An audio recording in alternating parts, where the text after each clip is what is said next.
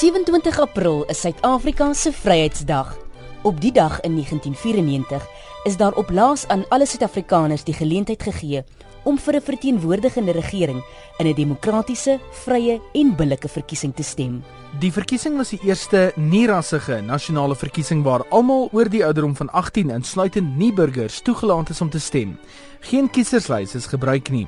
Tydens vorige verkiesings onder die apartheidsregering het nie-blankes beperkte stemreg gehad. Ons vier vandag die 22ste herdenking van die grondlegging van ons nie-rassige grondwetlike demokrasie. To the people of South Africa, this is indeed a joyous night for the human spirit. This is your victory too.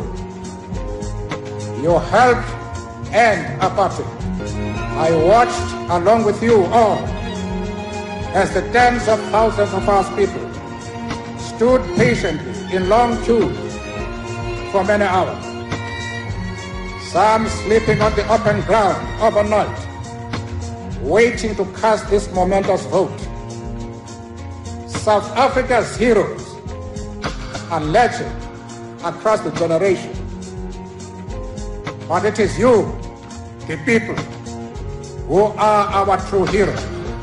27 April 1994 is die datum waarop ons eerste nie-rassige en ten volle demokratiese grondwet in werking getree het. Dit is ook die datum waarop alle Suid-Afrikaners fundamentele menseregte ontvang het, met inbegrip van menswaardigheid, gelykheid en nie-rassigheid.